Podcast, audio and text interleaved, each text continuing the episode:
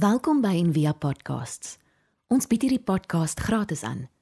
Om 'n bydrae te maak, besoek gerus ons webblad en via.org.za vir meer inligting.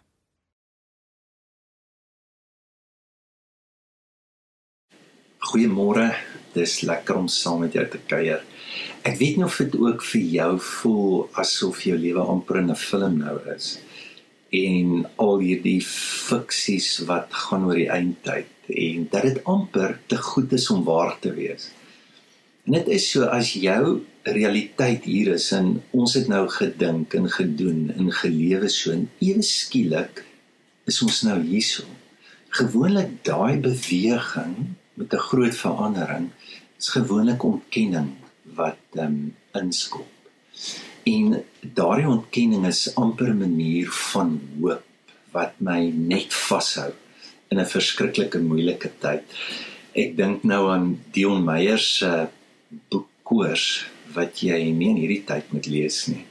Maar hy beskryf hierdie ongekende koronavirus tsunami wat um, oor die wêreld losbreek en hoe die sentrums probeer beheer en hoe regerings en militêre ingrypings plaasvind is amper soos 'n profesie wat jy 'n blik hier kry in, in fiksie en ewe skielik hier word dit my realiteit. So wat doen ons? Wat doen ons hierso in die middel? So ek wil vandag hê ons met um, praat oor hoop in Psalm 42 gebruik. En dit is amper Psalm 42 se amper 'n post-apokaliptiese gedig en 'n lied. En dit was 'n tyd toe Israel weggevoer is en hulle lewe ook in isolasie. Hulle sit deur in die noorde by die berge Hermon.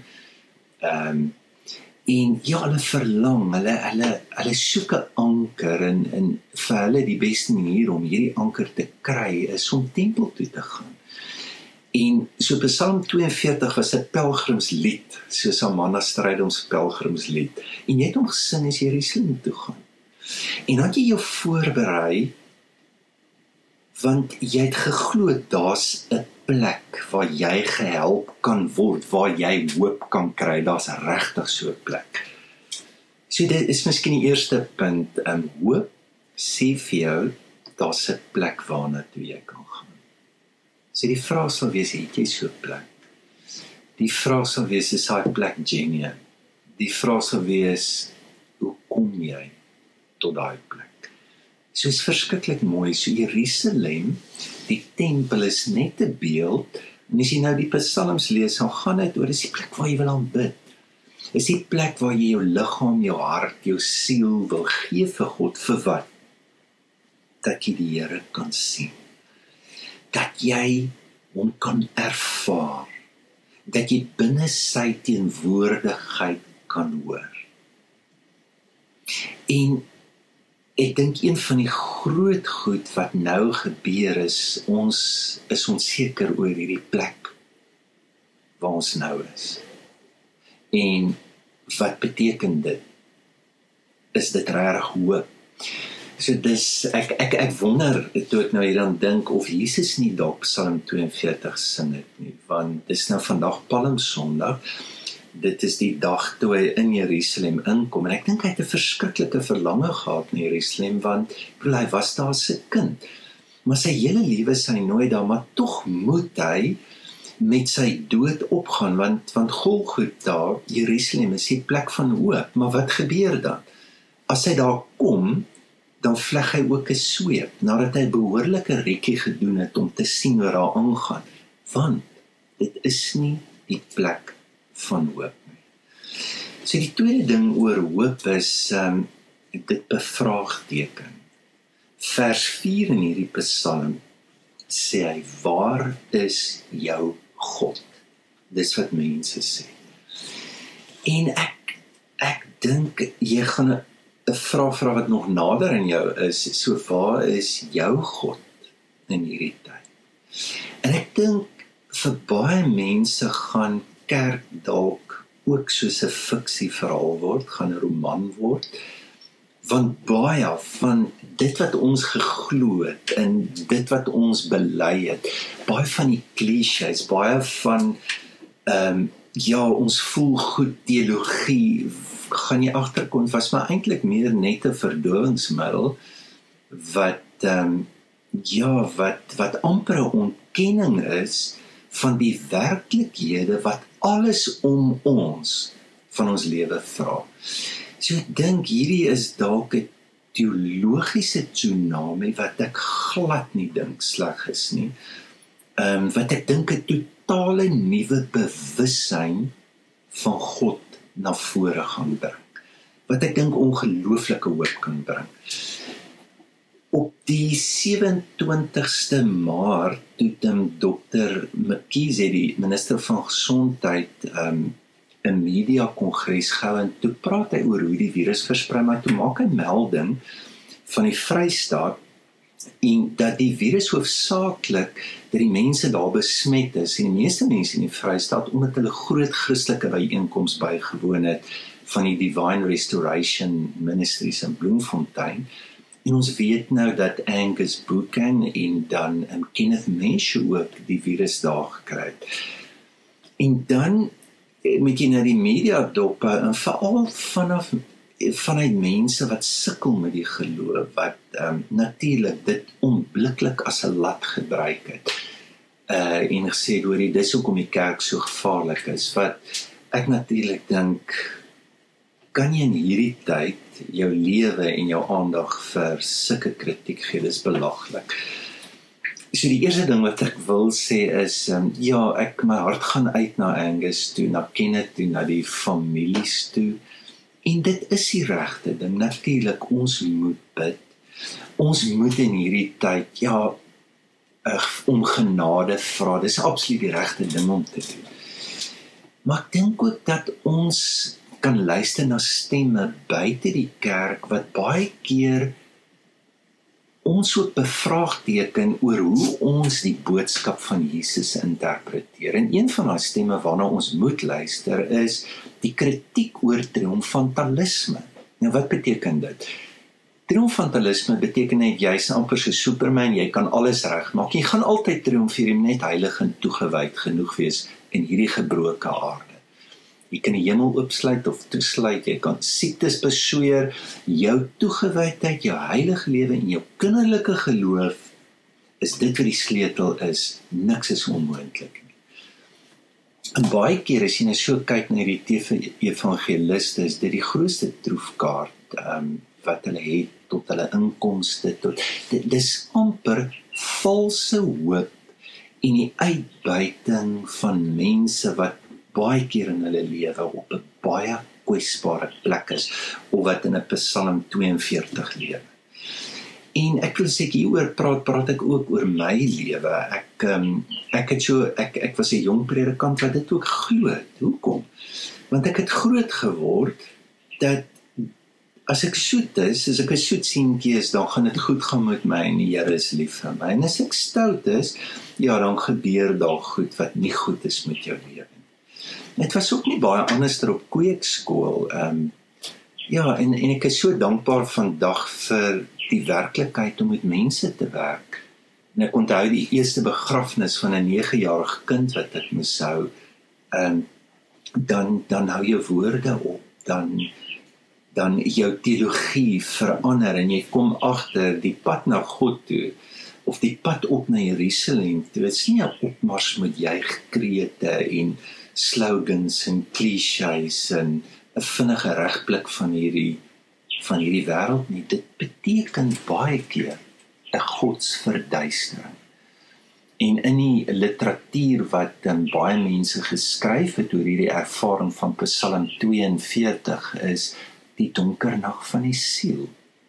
Dis nie 'n psigologiese toestand wat ons gou met regkry of nou net praat oor ja ons ons moet net great goed doen en daar's baie hoop en ons moet bly wees is is glad nie dit nie. Dis die diepste die ervaring van leegheid wat jou verlange na God sterker en sterker en sterker maak. Dan net die laaste gedagte. Hoop is 'n rivier. En daar's 'n mooi woord wat dit beskryf, verinnerliking, want dis presies wat in hierdie Psalm gebeur. Dit beteken waar iemand sy innerlike self na binne voor God bring. Beteken nie ek sny my af van die wêreld uh en van die uiterlike nie. Dit beteken net bloot ek betree 'n nuwe verhouding tot die buitewêreld. Ek kom soos wat ek is en ek kan sien soos wat dit is. Dis amper die nietiging van myself wat plaasvind. Want die Psalm gaan so my trane is my kos dag en nag en dan hier vers 10 beskryf hy rouklere. Wat hy doen is hy beskryf eintlik 'n ritueel met as wat gaan oor die dood. Maar die Psalm gaan nie oor iemand wat dood is nie. Dit gaan oor die droefheid wat hy nou verinnerlik. Wat jou neem na die dood van jou eie bestaan en jy neem die dood van jou eie bestaan in ag. En hierdie ervaring neem jou na 'n rivier toe. So Jode sou God noem Elohim Peleg. Elohim is God, Peleg is rivier. Dat die rivier beweeg jou in 'n plek waar daar afhanklikheid is, waar daar oorgawe is, waar daar eerlikheid is. Nou die lied word 'n gedig genoem of in Hebreëus is dit 'n maskil. Nou die amplified sal maskil so vertaal. Hy sê this is a reflective poem. En dan sien jy die seuns van Korag het dit gesing. Nou hulle was die Koragiete was se ouens. Hulle was nou maar soos die kerk se orkes. So hulle het die musiek gemaak. Maar hulle moes ook by die tempeldeure wag hou.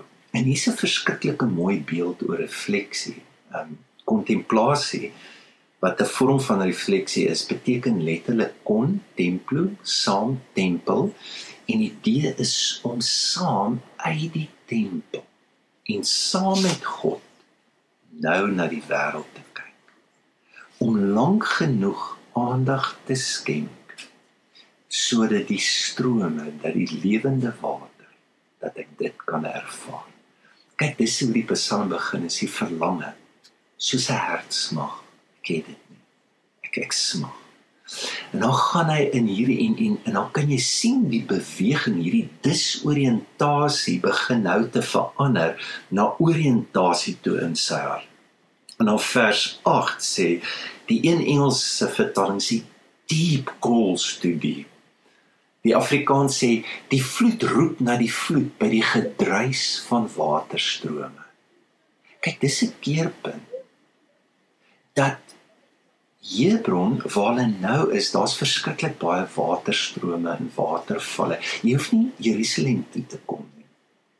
Dis eintlik nou in die plek waar jy is dat jy 'n beweging en omdat iets in jou beweeg is, roep jy uit na die groter beweging van 'n rivier wat daar is. Ek wil afsluit met Ferdinand Duist in 1987 het hy die verskriklike mooi boekie geskryf um, tussen angs en sekerheid. En hy gebruik dan um, Psalm 42 wat hy die volgende sê, luister hoe mooi is dit. Gebed as bepeinsing kan die haat en die gruwels van die wêreld voor die liefde van God bring kan my nader aan my naaste bring. Dit kan my angs en my sekerhede voor God bring. Dit kan my uitlei tot egte medemens wees. Nou hier is hier is mooi een.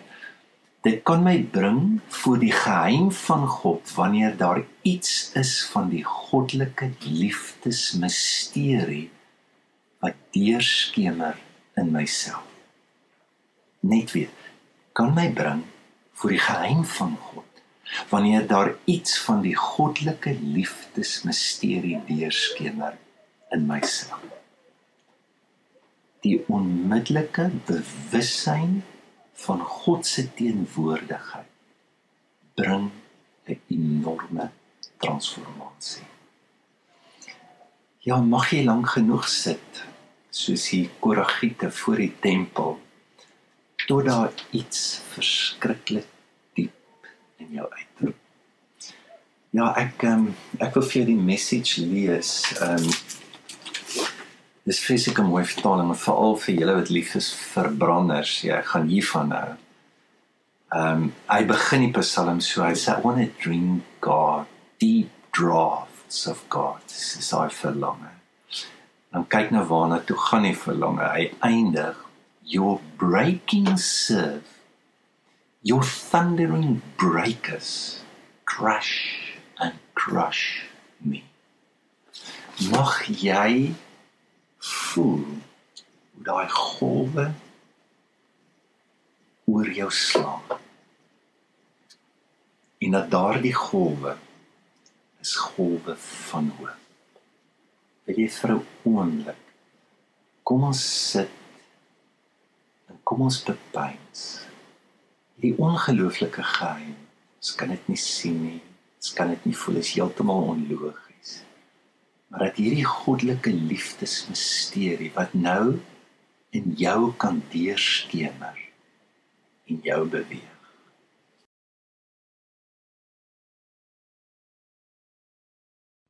Ons hoop van harte jy het hierdie podcast geniet of raadsaam gevind. Besoek gerus en via.ok.za vir meer inligting.